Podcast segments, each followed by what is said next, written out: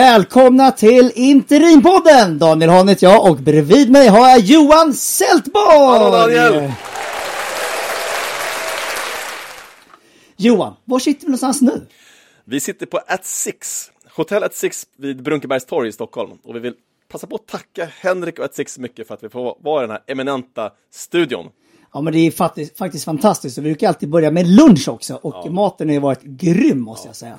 Det jag uppskattar mest med At Six det är personalens bemötande.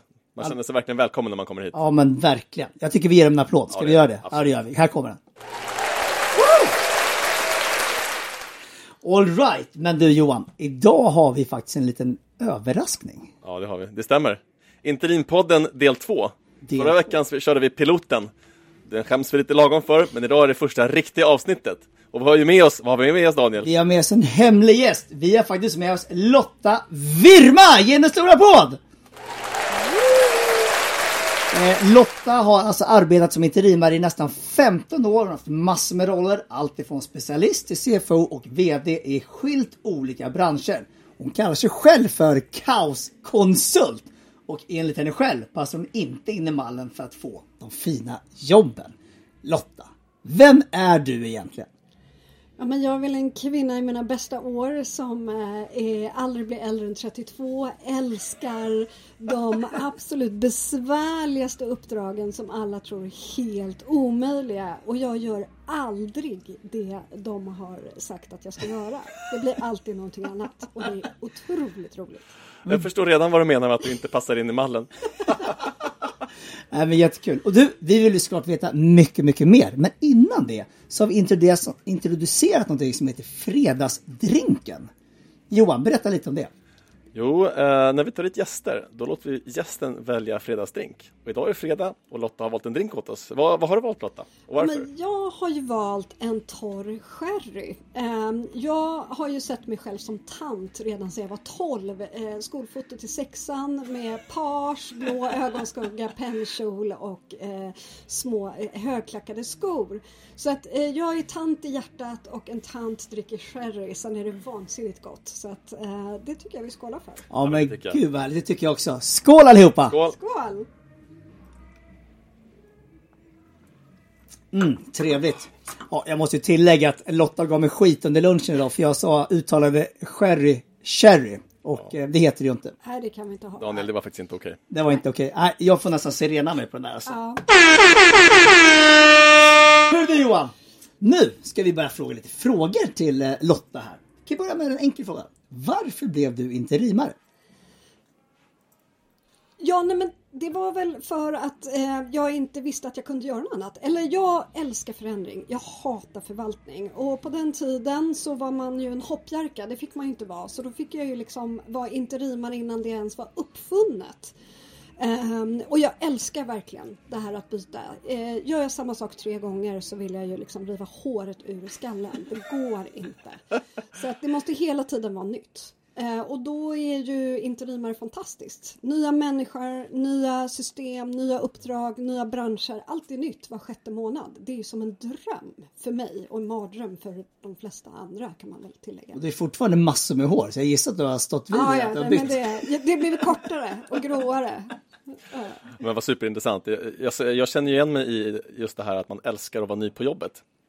Men du säger att du var interimare innan det fanns. Innebar det att du bytte jobb en massa gånger även ja. när du var anställd? Eh, verkligen. Var sällan kvar någonstans mer än ett och ett halvt, två år. För då var jag så att säga klar i de rollerna och de företag som jag eh, var anställd på. Ah. Eh, och kände bara att jag måste vidare, det bara kryper i kroppen. Men det brukar ju vara en typisk sak som rekryterare och även företag som anställer inte gillar, för då tror de ju att du är en, ja du sa det själv, hoppjerka. Och det brukar ju folk inte tycka om när de anställer. Nej, så när jag då var, ja men jag var väl 27, då startade jag ju eget istället, eh, redovisningsbyrå. Och redovisningsbyrå är nästan som att vara interimare fast mm. man ändå är där. För att man gör en liten del och eh, det är nya människor, jaga nya kunder, anställa nya människor. Så det var så att säga interimsarbetsuppgifter fast som egen mm. redovisningskonsult. Och du var bara 27 sa du? Ja. Så det var tidigt. Det är imponerande. Väldigt imponerande. Men innebär det att du hade din sista anställning när du var 27 och sen dess har du varit egenföretagare och interimare eller? Eh, I stort sett. Vissa uppdrag, eh, när du är VD efter 18 månader så måste du ta anställning eh, och eh, då får du inte vara på konsultbasis om uppdraget är längre. Mm. Kommun eh, eller andra offentliga väljer oftast att ta anställning så vi slipper upphandlingarna. Så att för mig är det så att jag verkar som interimskonsult även om jag är anställd. Mm. Mer vad som passar kunden för jag, vill, jag är ute efter uppdraget. Ah. Men då låter det som att du i princip aldrig har varit anställd som i en traditionell bemärkelse som de flesta? Nej. Okay, ja. Nej. Ja, då är det svårt för mig att fråga det som jag hade tänkt fråga. Vad är den största skillnaden mellan att vara anställd och vara interimskonsult? för då vet inte du hur det är att vara anställd. Jo, men jag vet ju liksom konceptet att vara anställd och, det, och jag är inte riktigt, jag vill ju ha total frihet och som anställd är det ju lätt att hamna i maktposition där du känner att jag kan inte, jag har inte full frihet att verka till min fulla potential. Nej. Och det skapar en obalans för mig som är alltid en informell ledare. Eh, som konsult kan jag leda utan att vara ledare. Som anställd blir det maktspel då. Ah, vad intressant. Det är väldigt många som pratar om eh, maktspelet i, i, anställning och hur skönt det kan vara att som interimare kunna fälla ner armbågarna och hålla sig utanför allt det där politiska spelet. Är det någonting du känner igen dig i? Ja, jag slänger mig ju alltid rätt in i det där och försöker se varför de har ett politiskt spel. Um, om du har psykologisk trygghet i gruppen så behöver du inte ha det och då har du väldigt lite drama. Ju mer drama du har, desto mer politik du har, desto större obalans är det i ledarskapet uh, och en osunt ledarskap. Och det vill ju jag nysta i och liksom komma fram till. Vad, vad är det som stör egentligen? Mm. Vad intressant. Du, vi eh, träffar ju väldigt mycket människor som funderar på att bli interimare. Eh, och också givetvis folk som redan är, eh, jobbar som interimare. Och jag träffade en person i Linköping nyligen. Och eh, hon frågade bland annat, eh, vad är egentligen det bästa med att vara interimare? Eh, har du någonting där att dela med dig? Samt kanske också det som varit tuffare, lite tuffare, lite mer utmaningar. Oj, jättestor fråga. Eh, jag kan prata säkert i tre dagar om det här, men eh, för mig... Alltså, Vi har bara en dag på oss. Ja, precis. Nej, men det jag älskar det är just det här, det nya, det är utmaningarna. Man tar in en interimare för att antingen något oförutsett har hänt eller något har pågått under en längre tid. Att vara med och påverka det, det är för mig. Jag gör skillnad. Det här är mitt bidrag till att göra världen till en bättre plats. Det är att få eh, människor, processer och företag att liksom fungera väl. Glada människor ger lönsamma företag och det är en sån otrolig belöning för mig. Det är det absolut bästa. Jag älskar det. Um... Så innebär det att folk alltid blir, blir glada när du kommer in och interimar? Nej, inte alltid. Eller jag kan säga så här. Eh, väldigt många uppskattar mig och det jag gör. Men sen finns det alltid några som hatar mig med en passion. Och det är oftast ah. människor som inte kan sitt jobb, ah. inte gör sitt jobb. Alla de här låtsasjobbarna, de tycker att det är oerhört obehagligt när jag kommer in. För jag synar ju dem, jag ser ju dem oftast väldigt snabbt in i processen. Så ser jag, ja men de här gör inte sitt jobb. Och det, då helt plötsligt om de har suttit där i två, fem, tio år och har mm. makt och någon kommer in och synar dem, då blir det ju fullt krig. Eh, så det, det råkar jag ofta ut för. Men, men som sagt, det, jag brukar säga att det är jättebra när folk ogillar mig. Aha. Därför att då vet jag att då finns något att göra. Ja, det, jag känner faktiskt igen mig, jag har, varit, jag har varit med om det också, att de som jag kallar för motarbetare, ja. de visar sig ganska snart. Och där kan man ju bemötas med rena personangrepp och kallas för både det ena och det andra. Jag känner faktiskt oh. igen det där att det är ett passionerat ogillande i vissa fall, när man lyfter på locken och börjar undersöka vad som egentligen pågår. Ja, och det, det handlar ju om att identifiera vad jag kallar det så här, det, det undoers, non-doers and the doers. Ah. Du har några som driver affären framåt som är liksom verkligen gör hela tiden. Sen har du non-doers, ja, men man kan väl kalla det liksom förtäckt a-kassa. Vi skapar lite, ar liksom, lite olika arbetsuppgifter, de får lön, ah. det, det, skapar kropp. Och sen har du undoers, det är de som hela tiden kommer in och allt från att bara snacka lite skit på lunchen till att aktivt manipulera och förstöra. Eh, och när man identifierar de här olika i min, det är ju extremt liksom nedskalat såklart. Men då ser man ofta vad man behöver jobba med. Mm. Hur, snabbt, förlåt, hur snabbt går det för dig att identifiera dem? du kallar det undoers och doers, jag kallar det för medarbetare och motarbetare, men det låter som att det är ungefär samma sak. Samma sak. Och jag tycker att det är en nyckelfaktor att, att så snart som möjligt förstå vilka de här olika grupperna är för att veta hur man ska, hur man ska gå vidare. Hur gör du för att liksom identifiera de här grupperna och hur, hur tar du det vidare? För det låter ju som att det är ganska tufft det du ger in på. Absolut. Um, grunden är ju väldigt god människokännedom och för mig så tar det oftast kanske ja, sällan längre än en vecka till två veckor innan jag vet exakt vilka som gör vad och hur struktur, maktstrukturerna ser ut, vad de underliggande problemen. En av mina styrkor är att människor berättar för mig på riktigt vad som, vad som pågår. Eh, vilket gör att jag får snabbt ett förtroende och då är det ju oftast doers som väldigt snabbt är ärliga och de spottar man med en gång. Non-doers, det, blir också, det tar inte mer än en till två veckor innan jag är klar över bilden som jag kommer att skapa under de närmaste nio månaderna. Sen ska jag säga, jag är exceptionellt snabb på att se saker. Um, och det, det underlättar. Många säger så här, men gud det där tog ju mig två år att fatta.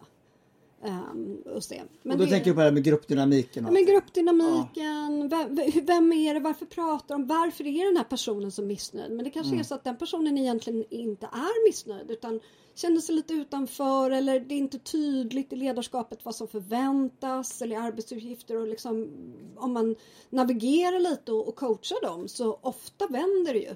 Så att de blir positiva och kommer Mm. med och blir ja, best doers men ibland non-doers. Ja. Intressant. Det, det låter ju otroligt snabbt att kunna snappa alla de här sakerna redan efter två veckor. Har du någon speciell metodik i hur du går tillväga? Nej, För det här brukar inte folk säga vid ett första samtal, tänker jag, när man kommer som helt okänd person. Men det låter som att du är snabb på att få folk att öppna sig för dig. Oh ja. Eh, eller oh ja, eh, det låter ju liksom förmätet. Nej men ja, men jag jobbar väldigt, väldigt hårt på att folk ska se sig sedda. Det, är, det krävs väldigt, väldigt lite för en människa att öppna upp sig. Bara man går dit och säger hej, hur mår du? Du lägger en hand på axeln och bara säger mår du bra? Ehm, och det gör jättestor skillnad. Helt plötsligt så är det kanske för första gången som någon ser dem. Eller inte kanske första gången, men på väldigt, väldigt länge som på verkligen ser dem. Så att jag försöker se varje individ på varje nivå. Eh, och säga så här, men hur har du det egentligen? Ehm, hur funkar det för dig? Och bara att du ställer den. Och sen så är att jag använder en fras. Hur kan jag hjälpa? Vad kan jag göra? Inte utgå från att jag vill att du, utan hela tiden utgå. Hur kan jag hjälpa dig att göra ditt jobb bättre? Hur kan jag hjälpa dig att bli, liksom, komma till din fulla potential? Ja, men det, det låter jätteintressant och eh, jobbar även med det, jag vet inte hur det är på svenska, med recognition. Alltså när man liksom firar någonting och att man verkligen får ses då också att man gjort någonting bra. Absolut, och där, där är ju en sån här gammal klyscha. Det, det är ju ris i enrum och ros i plenum. Eh, att det är superviktigt att hylla människor och särskilt hylla när, och det, det, framförallt hyllningen måste alltid vara genuin. Superviktigt. Den måste alltid komma från hjärtat och den måste vara sann. Den får aldrig vara maskerad eller liksom "Ja, nu ska jag, man, nej, den måste verkligen komma från hjärtat.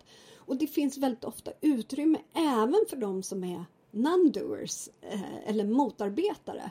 De gör oftast bra saker ibland och att hylla dem för det är svårt Det kan få dem vara att svänga. sur och grin. Ja. men du kan inte hata en person som är förbannad. Kill them with kindness. Ja. Hej!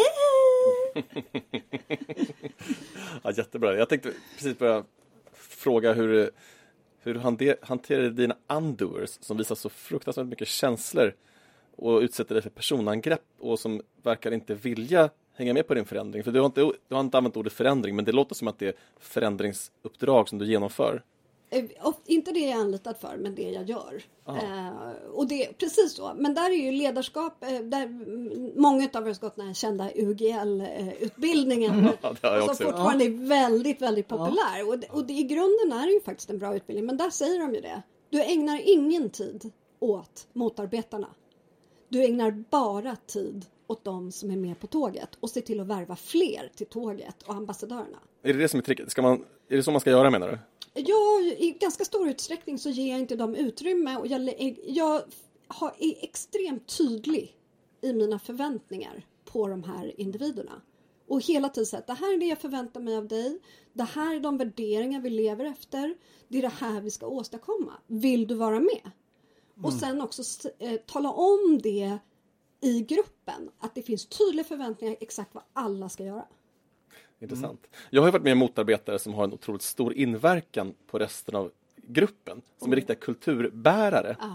Och då är det ganska svårt, har jag i alla fall tyckt, att bara låta dem vara i fred. För då, jag har varit med om till och med att de här motarbetarna som var egentligen bara några enstaka personer fick med sig nästan hela Ah. företaget mot mig som interimschef. Ja, Och då var det verkligen de två, eh, några stycken, som var nyckeln till hela, för att kunna genomföra uppdraget. då är jag väldigt tydlig. De ska Hur, hur gör du då? Då går jag till styrelsen eller vdn eller den chef jag råkar ha och så säger jag att den här personen kommer inte komma med på tåget. Jag kan ganska snabbt avgöra. Kommer de här, vi ska inte lägga ner energi, det kommer att dra ner hela organisationen. Köp ut dem eller se till att omorganisera ut dem. Så du rycker plåstret snabbt. I allt, så fort som möjligt. Varje dag behåller de, pyntar du tre dagar i förstört arbete framåt. Ja, Jag håller med. Jag tycker det här med negativitet generellt sett, det är ju som ett virus i en organisation och det sprids ju jättefort. Och det kan gå precis som du säger Johan, fr- från två, tre personer till, till en hel grupp eller en, en hel avdelning eller företag till slut. Superviktigt att agera fort. Ja, jag håller med dig. Jag tycker man, ja, jag, min erfarenhet är att jag och de flesta som jag pratar med efteråt känner att man väntade för länge Ja. med att rycka plåstret.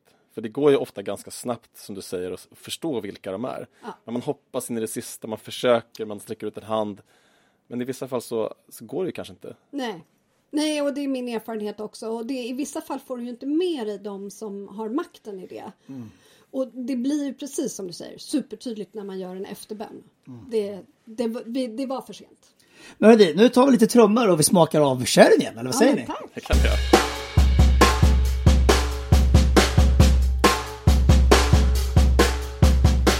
Hallå! Tillbaka, tillbaka, tillbaka. Hörrni, vi har fått en hel del frågor eh, om hur man hittar sitt första eller hur man hittar uppdrag överhuvudtaget. Har du några bra, kloka tankar där till Amira? Ja, men till alla våra nybörjare, fake it till you make it baby. Eh, det, nej men så är det. Hur ska du förklara att du vill gå från den trygga anställningen till den, eh, vissa ser det som en otrygg anställning eller otrygg tillvaro att vara interimare. Absolut inte. Är du duktig så kommer du alltid ha uppdrag. Det, det finns det. Sen så är det frågan vilken sorts uppdrag du får. Men det är nätverka, Eh, träffa så många rekryterare som möjligt. Eh, eh, narrera ditt LinkedIn-flöde så att algoritmen eh, serverar dig alla dessa uppdrag. För de flesta uppdrag finns där ute. Det finns hur mycket som helst. Om du bara ser till att lajka de människor och företag och de annonser som på något sätt eh, anspelar på de rollerna du vill ha då kommer det att dyka upp och då kommer du ha ett, en ständig ström av superspännande uppdrag. Mm. Eh, träffa rekryterare. Även om det är rekryterare som du kanske inte tror kan ge dig uppdrag så handlar eh, allt om timing. Att du är top of mind när just det där uppdraget. Då ska du ha käkat lunch eller fikat eller tagit bara en snabb eh, Zoom-fika med en rekryterare. Många, jag har 20 stycken som jag pratar med regelbundet. Eh, och det är det. Och sen timing is everything. Ha is i magen. Ta inte första bästa utan du ska känna för det. Ja. Ehm, och, eller är det, har, har du inte tid? Ja men ta det och så gör du bästa situationen och ha kul. Det är jätteroligt. Ja men verkligen. Hörrni, nu har vi kommit till... Men, men, men, ja. eh, vi är mitt i intervjun här. Jag avbryter hela tiden. Det är jätteintressanta samtal. Nu måste vi köra vidare. Då kör jag vi måste vidare. fråga vidare om de här sakerna. Ja. För du får det att låta så enkelt att hitta uppdrag. Eh, och jag håller ju med om allt du säger med eh, dina aktiviteter, det här med att nätverka, jobba proaktivt med LinkedIn och så vidare. Men de flesta jag pratar med, inklusive jag själv, både de som är nybörjare och, och de som har varit interimare kanske i tio år med jättebra meritförteckning, tycker inte att det är så enkelt som du beskriver. Så har du något... Det låter som att du älskar att nätverka för det första. Ja. Det kommer lätt för dig att träffa folk. Tänk, om man inte har det riktigt lika naturligt då? Vad, tror du är nyckeln då? Nej men jag tror att man... Det, ja men ses, vad är mina styrkor? Vad är det jag vill åstadkomma egentligen? Är det ledningsförändring? Eh, då är det ju så att jag går ju in och leder i uppdrag, men det är ju inte därför. Jag går ju in som specialist. Men jag trycker in förändringen, för det är sånt som jag är. Um, men det är svårt. Jag har ingen riktig så. Jag, är, jag kommer alltid in med ett leende. Ja. Och det är möjligt, är man introvert och, och har svårt med det, ja men då, då blir det ju mer besvärligt. Då får man öva. Jag är ju född introvert. Sen har jag liksom tryckt ut mig till någon form av superextrovert. Mm. Men det är övning. Det är fake it till make it again. Du ler. Du, eh, och det kan du göra hur jobbigt det än är. Och det här, och liksom, man ska inte skämta om psykisk ohälsa eller något sånt. Men hur jobbigt det än är eh, utan att du blir sjuk. Mm. Då kan du leda dig till ett bättre tillstånd och sen komma ut och möta människor. Och det är läskigt. Du måste överkomma den rädslan. För interimare handlar om nätverkande för att du ska få rätt uppdrag. Och sälja sig själv såklart. Och det är inte alla ja, ja. jättebekväma med heller. Nej, men var stolt över det du har åstadkommit. Försök identifiera vad är det för förändringar och för ledningskultur jag är. Jag pratar jättemycket om mina värderingar. Ja. Eh, och det är det som bär fram mig. Att har man träffat mig kommer man oftast ihåg mig. Det, det kommer vi också göra. ja, men det är underbart. Du, Johan är tidsoptimisten här i företaget, men eh, du får väl köra några frågor till, för nu är vi uppe i 21 minuter. All right, ja. Men um, du säger att uh, du nätverkar regelbundet uh, även i uppdrag.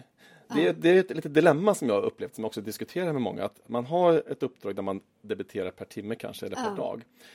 Och då kan det ju finnas ett motstånd att uh, gå på ett möte eller ta en lunch som tar några timmar. För å ena sidan så kan man se det som att det är tre timmars utebliven debitering. Ja. Det kostar flera tusen. Och å andra sidan kan man tycka att det kanske ger mig en, kortare, en månad kortare tid mellan uppdragen. Hur, hur tänker du kring det här? Oj, jag tänker inte på det. Du bara kör? Ja, men jag kör och sen så handlar det om att nätverka i mellanrummen. Jag är ju också en, en högpresterare som inte sitter still särskilt mycket och återhämtning för mig, jag, jag går i skogen väldigt mycket, väldigt länge. Ja. Men det för mig är det så här, men det är bara tjena tjena på LinkedIn, kommentera ett inlägg. Det behöver inte vara en lunch utan slut utan det kan vara en AV ibland. Ja precis, en lus. Nytt för mig, jag har aldrig varit med om det. Eh, men... Det är mina kompisar från Kalmar som har lärt mig det här med lus. Ja precis, lusmäte. Ja, precis. Uh, uh, nej men det, det, det, är också en inställning. Ja. Det, inget får vara ett problem. Vi är interimare och särskilt på ledningsnivå handlar det om att vi ska vara lösningsfokuserade. Eh, och då betyder det, det här, är det ett problem att nätverka? Nej, du är interimare. Hitta en lösning. Se det roliga i det, se utmaningen. Vem känner jag som kanske känner någon? Mm. Connecta med folk du inte känner. Du behöver inte prata med en endaste själ. Mitt senaste uppdrag, vi träffades tror jag var sex år sedan intervjuade hon mig. Och det, ja. vi har inte setts. Ändå så mm. när jag då säger tjena, hon bara, det är dig vi ska ha. Nej, det är jättebra tips verkligen. Nätverka, nätverka, nätverka. Jag brukar känna så här att när det kommer ett uppdrag för mig så kommer det helt oväntat. Det dimper ner i knät från ingenstans. Timing is everything. Och då kan jag ha tyckt att jag varit jättefrustrerad länge. Det har gått flera månader ibland. Och så kommer det från ingenstans och då kändes det som en supertur att just jag råkade vara här precis när det hände. Men då brukar jag tänka på Stenmark. För han sa ju, ja men det är märkligt det här med tur. För ju mer jag tränar, desto mer tur tycks jag få. Och det här med träna kan man säga nätverka. Alltså ju fler jag pratar med, rätt för det springer jag på någon som behöver mig nästa vecka. Mm. Ja. Nej men verkligen. Hörru du Johan, eh, får jag gå vidare nu? ja visst. jo, vi har ju någonting nytt här som vi tänkte ha med. Och vi har valt att kalla det för interimcitaten. Oj, oj, oj. Vad ja, är det mest detta? nervösa. det är ju så att vi har eh, träffat Lotta lite tidigare. Johan har varit i kontakt med Lotta också under sin bok, eller när han författade sin bok. Och gjorde research bland annat. Och vi har ju fångat upp en del citat. Jajamän. Så jag tänkte att eh, jag drar väl igång med första. Citat. Alla älskar mig. Jag är en moneymaker. Slutcitat. Oh my god! Använd din applåd på den, alltså det måste det vara. nej men nu får du utveckla. Uh, nej men det är min, uh, väldigt väldigt ofta så kommer jag in och skapar uh, glada människor, lönsamma företag. Medarbetarna är glada och ägarna tjänar massor med pengar. En moneymaker! Jag vet, jag det är så drygt! Jag trodde du syftade på förmedlare, rekryterarna. Nej, Att alltså... du är så lätt att sälja för dem så att de tjänar pengar på dig. Ja, det, det, det, de älskar mig också. Det är sant. Vad underbart, du var underbar och älskad av alla. Ja, och hatad av vissa. Ja, precis. Det är den perfekta balansen. Ingen är neutral inför dig. Låter det som. Nej, nej, nej. Min man kanske. Ja, tur att det inte var en vattendelare där i alla fall. Ja, Daniel, vi älskar att ha det här i studion. Så Ja, mycket kan vi skriva under på. Ja, men verkligen. Hörrni, då tar vi nästa. Är ni med? Ja. Citat. Iskall vind får naken man och kvinna att springa fortare. Slutcitat. Det här var, det, det är faktiskt det enda uppdrag hittills som jag har klivit av. Där jag skulle eh, sitta i styrelsen för ett antal bolag och göra en turnaround för att liksom, ta in dem på 20 eh, eller på 2000-talet. Eh, och då sa jag, vad är din värdegrund? För jag kände det var liksom en dålig, det var en hemsk energi. Eh, och efter tre månader så kommer ägaren fram med det här citatet. Eh, och jag bara, eh, va, vad menar du? Ja, men det är det här jag vill att du ska leda efter. Eh, Iskall vind får naken kvinna man springa fortare. På riktigt. Management by fear. Äh, det är nog så grönjävligt. Eh, Speed. eh, men det är så då, då valde jag faktiskt efter tre månader att eh, avsäga mig det uppdraget. Det är faktiskt enda gången Ja. som jag har sagt, Ja, sagt intressant. nej. Det där kan jag verkligen relatera till. För det är uppenbart att du delade inte värdegrunden med din uppdragsgivare. Precis. Ja, för eh, det tycker jag att eh, om man känner att man inte gör det, då har man nog ganska svårt att lyckas med uppdraget, tror jag. Då kan man bara gå in till att jobba operativt. Man kan absolut inte jobba med förändringsarbete. För det är också inte en interimares roll att förändra saker som inte blir beständiga. Det är ju det viktigaste, att, att du genomför förändring som kan leva kvar. Eh, det finns ingen poäng, då är det bara självuppfyllande. Att, att driva förändring för din egen skull efter din värdegrund. Det jag utför måste vara i linje med den långsiktiga planen för företaget. Ja, Precis. Och det är ju ganska svårt, och kanske omöjligt till och med, att driva en förändring utifrån en värdegrund som man själv inte delar. Det kan man inte göra trovärdigt. Nej, och eh, det är ju att göra världen en otjänst. Och då är det nog som du säger, att då blir det inte beständigt. Nej, verkligen inte. Jag måste skjuta in en följdfråga mitt i citatdelen. Daniel tittar argt på mig här. Hur är det, och nu har du i och för sig inte haft något riktigt jobb verkar det som. Jag fråga, Hur är det att driva förändringsarbete som tillfällig ledare jämfört med att vara anställd? Är det några skillnader, ser du? Har du någon nytta av att vara tillfällig eller är det bara försvårande? Ja, men det, det är ju väldigt mycket lättare att gå in med fire and hire. Att gå in och verkligen, vi ska sparka de här, att vara bad cop. Och de ägarna och styrelsen som är kvar får vara good cop. Det, det är ju en stor fördel och jag har ingen, inga problem med det. För att jag ser att det här är ju för allas bästa. Även de som kanske måste gå för att de är inte på rätt plats. Eh, väldigt ofta så är människorna superduktiga men mentalt någonting är det som inte klickar. De kan få komma till sin fulla rätt någon annanstans. Eh, det tycker jag är superviktigt. Eh, och det är enklare när du kommer in. För det finns inga känslor. Det finns inte tio år av att åh men hans fru är sjuk och barnen och oj oj oj. Nej, det är bara affärsmässigt så måste det här hända nu. Men jag kan verkligen hålla med dig där. Jag hade ett uppdrag i Nya Zeeland faktiskt. Där, där det var ett stort förändringsarbete på gång. Eh, och just det att kunna gå in med, med nya glasögon så att säga, helt objektiv, gör ju det lättare. Däremot kan jag tycka att om inte du känner folk lika bra så tar det lite längre tid att och hitta de här mot och medarbetarna eller, eller doers och undoers och så vidare. Eh, men när du väl gör det så tycker jag absolut att det är en stor fördel. När vi gick in i pandemin så sa jag upp en tredjedel av personalen och det beslutet kom två dagar efter att börsen drog. Så hade jag en plan klar och uppsägningsbeskeden och MBL genomförda. Det är också för att leva i ovissheten. Det skapar större oro och det tar lång tid att reparera. Ja, men Du verkar vara otroligt handlingskraftig. Japp. Jag har ju själv varit i ett uppdrag där jag hade uttryckliga instruktioner om att jag inte var där för att göra mig populär, för att jag ändå skulle sluta. Men jag tyckte att det ändå var svårt att koppla bort känslorna så att säga. Och vara så pass, eh, vad ska man kalla det? Eh, Impopulär nej, men, eh, eh, jag gillar ju för det första inte att bli impopulär, även, även om jag blir det ibland. Jag tycker att det är jobbigt min personlighet. Eh, men kan man koppla bort känslorna så att man, så att man är, är så att säga så eh, krass som du beskriver det?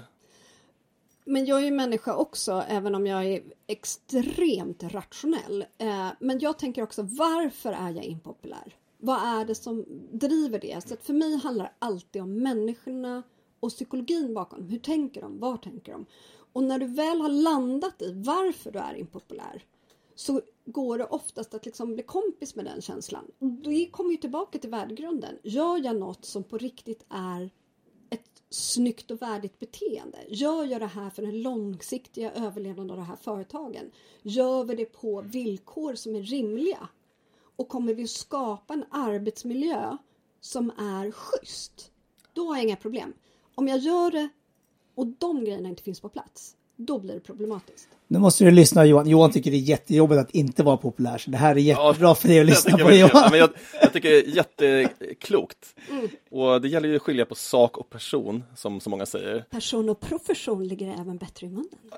Exakt, det är jättebra. Och det där vet ju jag och många andra, men det kan ändå vara svårt att bara Jag har en jättebra psykolog du kan gå till. Perfekt. Är det du, är det, är det, du det? Nej, nej, nej, nej, nej, nej, nej, nej, nej. Många saker är jag, men det är eh, sam, samtalspartner är jag. Bra, ni får byta psykolognummer lite senare när vi är klara. Eh, hörni, vi har ett citat kvar. Oh, Är ni med nu då? Ja. I'm a hoppjerka and I'm proud of it. ja, men det är ju som jag nämnde i början. Det är, jag kan säga att mina föräldrar har varit så missnöjda med mig genom åren eftersom jag bara, nej, hopp, jag bara slutar hela tiden och bara nej, du kommer liksom aldrig att försörja dig. Men än så länge så har det gått väldigt bra och, det, och nu är vi ju alla interimare, vi är ju professionella hoppjerkor. Det är så härligt att tiden har kommit ikapp eh, eh, mig. Ja. Det är faktiskt någonting, jag har ju pratat med väldigt många, intervjuat interimschefer och ledare och eh, gjort enkäter och allting inför, inför författandet av den här boken, Ledarskap på besök. Och jag känner ju igen vissa personlighetsdrag och, hos väldigt många som jag träffar. Och den här känslan av att inte alltid riktigt passa in, Ja, den kommer tillbaka ofta bland interimare. Och vissa säger att när man har blivit interimare så har man på något sätt hittat hem. För då blir det som du säger en styrka att man är så otålig och att man hela tiden vill vidare. Att man älskar att vara ny på jobbet och allt det här. Och sen eh, nya människor och nya branscher. Alltså jag älskar att lära mig nya saker. Jag vill aldrig sluta lära mig. För den dag jag slutar lära mig så måste jag lägga mig ner och dö.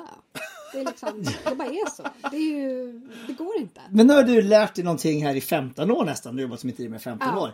Eh, då hoppar vi raskt in till nästa del i det här avsnittet. Och det har vi döpt till interimanekdoten!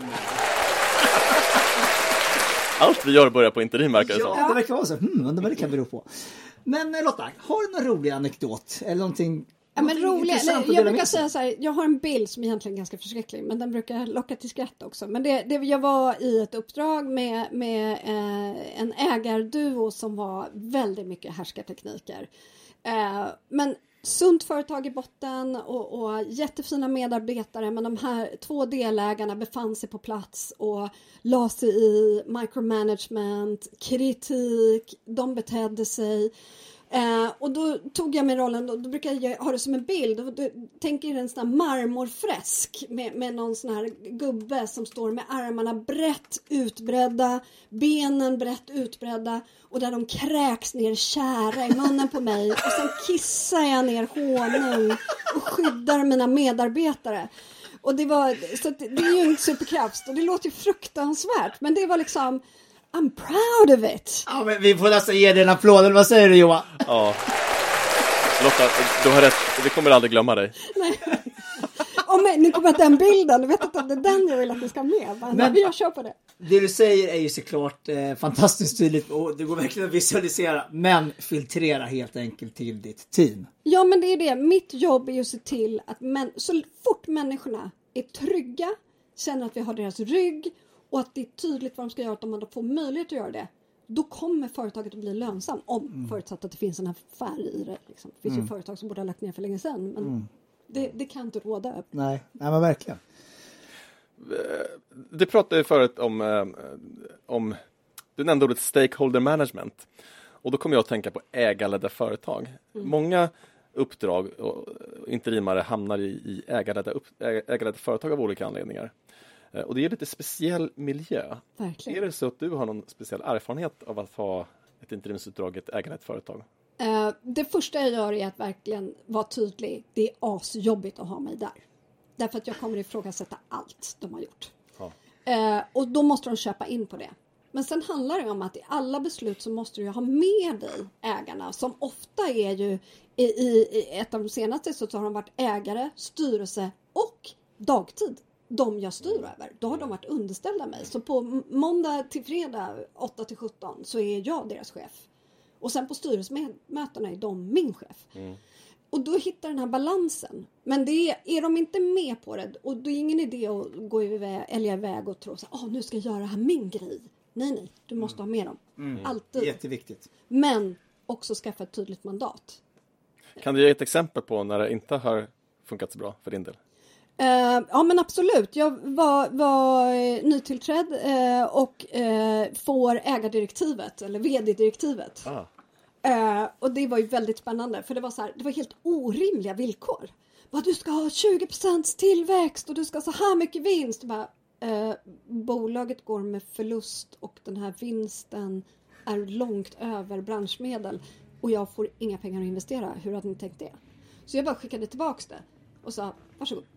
Eh, jag tänker inte ta det här om inte ni förklarar hur ni har tänkt. Jag tvingar ju dem att tänka. Eh, det är det viktigaste. De måste förstå vad de ber om. Att det inte bara så här, wow, nej men det här känns häftigt. Vi sätter den här, vi har en ny extern VD för första gången. Ja. Nu sätter vi in de här siffrorna, det blir skitbra. Bara, mm, nej. Så jag är väldigt, väldigt tydlig att kravställa mina kravställare. Det här är jätteintressant. Då kommer vi in på något som jag har tänkt mycket om och råkat ut för och som de flesta som jag har, eh, flesta interimare som jag pratat med råkar ut för och det är oerfarna uppdragsgivare med orimliga förväntningar. Är det verkligen. någonting du känner igen dig i? Ja, ja, nej men absolut. Jag uppfostrar ju väldigt ofta mina uppdragsgivare. Och det behöver inte bara vara ägarledda, det kan vara ju även i andra organisationer. Och det är ju det, jag går in och säger så här, nej men hallå, det här är inte okej. Det här är härskarteknik när du beter dig på det här sättet. Nej vadå, det är det väl inte alls, det jag är bara ärlig. Nej, så här, det här är din värdegrund. Det här ska du inte gå emot. Du säger A här, levererar B. Det går inte. Så det, jag har modet eh, och förmånen att ha lite, förlåt nu får man säga det, fuck off-pengar. Ja, det får vi blipa bort. Det ante mig, för, det, för den, den integritet som du beskriver är ju fantastisk. Eh, Men de flesta är ju ändå lite oroliga att bli av med jobb och uppdrag för att man helt enkelt måste försörja sig. Ja, Så det är ju en trygghet att ha ett då ska man bli anställd. Ja, då ska man bli anställd. Är Eller man inte buffert. rimare inom ledning så måste man ha integritet. Ja, ja, jag håller Eh, helt för med. mig Ja, personligen är det en skyldighet. Eh, att inte sitta och göra någonting för att jag får pengar för det. Det, det, det funkar inte för mig. Otroligt intressant. Jag kan passa på att fråga om det är några uppdragsgivare där ute som känner igen sig i Lottas beskrivning. Så erbjuder Interimakademin utbildning för uppdragsgivare Precis. för att inte uppfattas som ja, allt det som Lotta just sa. Ja. och för att helt enkelt skapa bättre förutsättningar för interimare. För det, händer ju- det är någonting som eh, är ganska vanligt, att man investerar flera miljoner kanske, en till två miljoner i en interimschef. Eh, Och så vill man inte lägga mer än eh, några timmar för att skapa vettiga förutsättningar och en vettig onboarding. Ja. Tar man den investeringen så är det ganska vettigt att göra allt för att få bästa möjliga return on investment. Och det kan räcka med ganska små insatser för att skapa förutsättningar och, och, och då kan man få mycket bättre utveckling för interimsledaren. Ja men verkligen, vi tog faktiskt upp det i förra avsnittet också. Och bara som ex exempel på det, att lägga några timmar på att ha en realistisk och verklighetsbaserad eh, eller uppdragsbeskrivning till exempel. Och försöka förankra det här i organisationen i förväg. Bara de två sakerna gör att man kommer betydligt längre fram. Och relationer. Relationer! Ha god relation som interimare eller som uppdragsgivare. Se till att ni har en tät relation. Jag brukar kalla liksom oftast mina ägare för "I- I'm your day wife. Alltså vi ska vara extremt nära varandra. För, ja men det är ju så det blir. För det, det ju, bygger vi någon annans företag eller om du är chef. Det, det jag hjälper ju den här personen att få en framgångsrik verksamhet.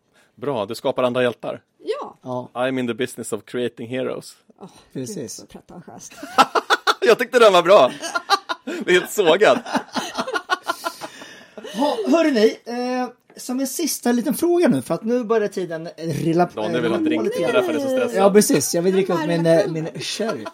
Eh, nej då, men eh, du har ju sagt massor med bra saker nu. Eh, vi kanske kan, eh, snart ska vi sammanfatta det, men jag tänkte du kunde dela med dig med något tips till bara så här pang till folk som är relativt nya på interim eller folk som är, funderar på att bli interimare.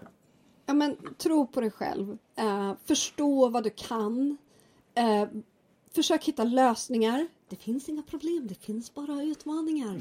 Bra där! Eh, men också var glad, eh, ha kul. Alltså jag älskar att gå till jobbet även om det bara serveras bajsmackor. Så är det bara, jag älskar det. Det är det bästa. Jag har, ju större problem desto roligare. Men hitta din nisch. Vad du tycker är kul interim. För det finns uppdrag för alla smaker. Jag måste säga att du har en fantastisk inställning till livet. Tack. Jag önskar att alla är så positiva. Och jag kan säga så här, det är en våg av energi i poddstudion också. Det är, bara, det är som en virvelvind här, eller hur? Yes. En liten applåd för det tycker jag. Ja, tack. Det kör vi. tack. Jaha, nu börjar vi närma oss slutet på avsnittet och som ni märker diskuterar vi här i Interimpodden olika utmaningar och olika framgångsrecept för att lyckas med sina uppdrag. Helt enkelt upp vardagliga situationer och ni får jättegärna mejla in till oss via hemsidan om fler frågor så ska vi försöka ta upp det i podden. Nu måste vi ju tacka Lotta Virma, kaoskonsulten, hoppjerkan, energiknippet. Stort tack Lotta för att du kom till Interimpodden! Tack Lotta! Alright Johan, då börjar vi närma slutet då. Jaha, jag trodde det var slut. Ja, det var slutet. Då klipper vi det. Hej då! Klipper det. Hej då! Nej, vi kör vidare en stund till, eller var det slut? Nej, vi kan klippa det.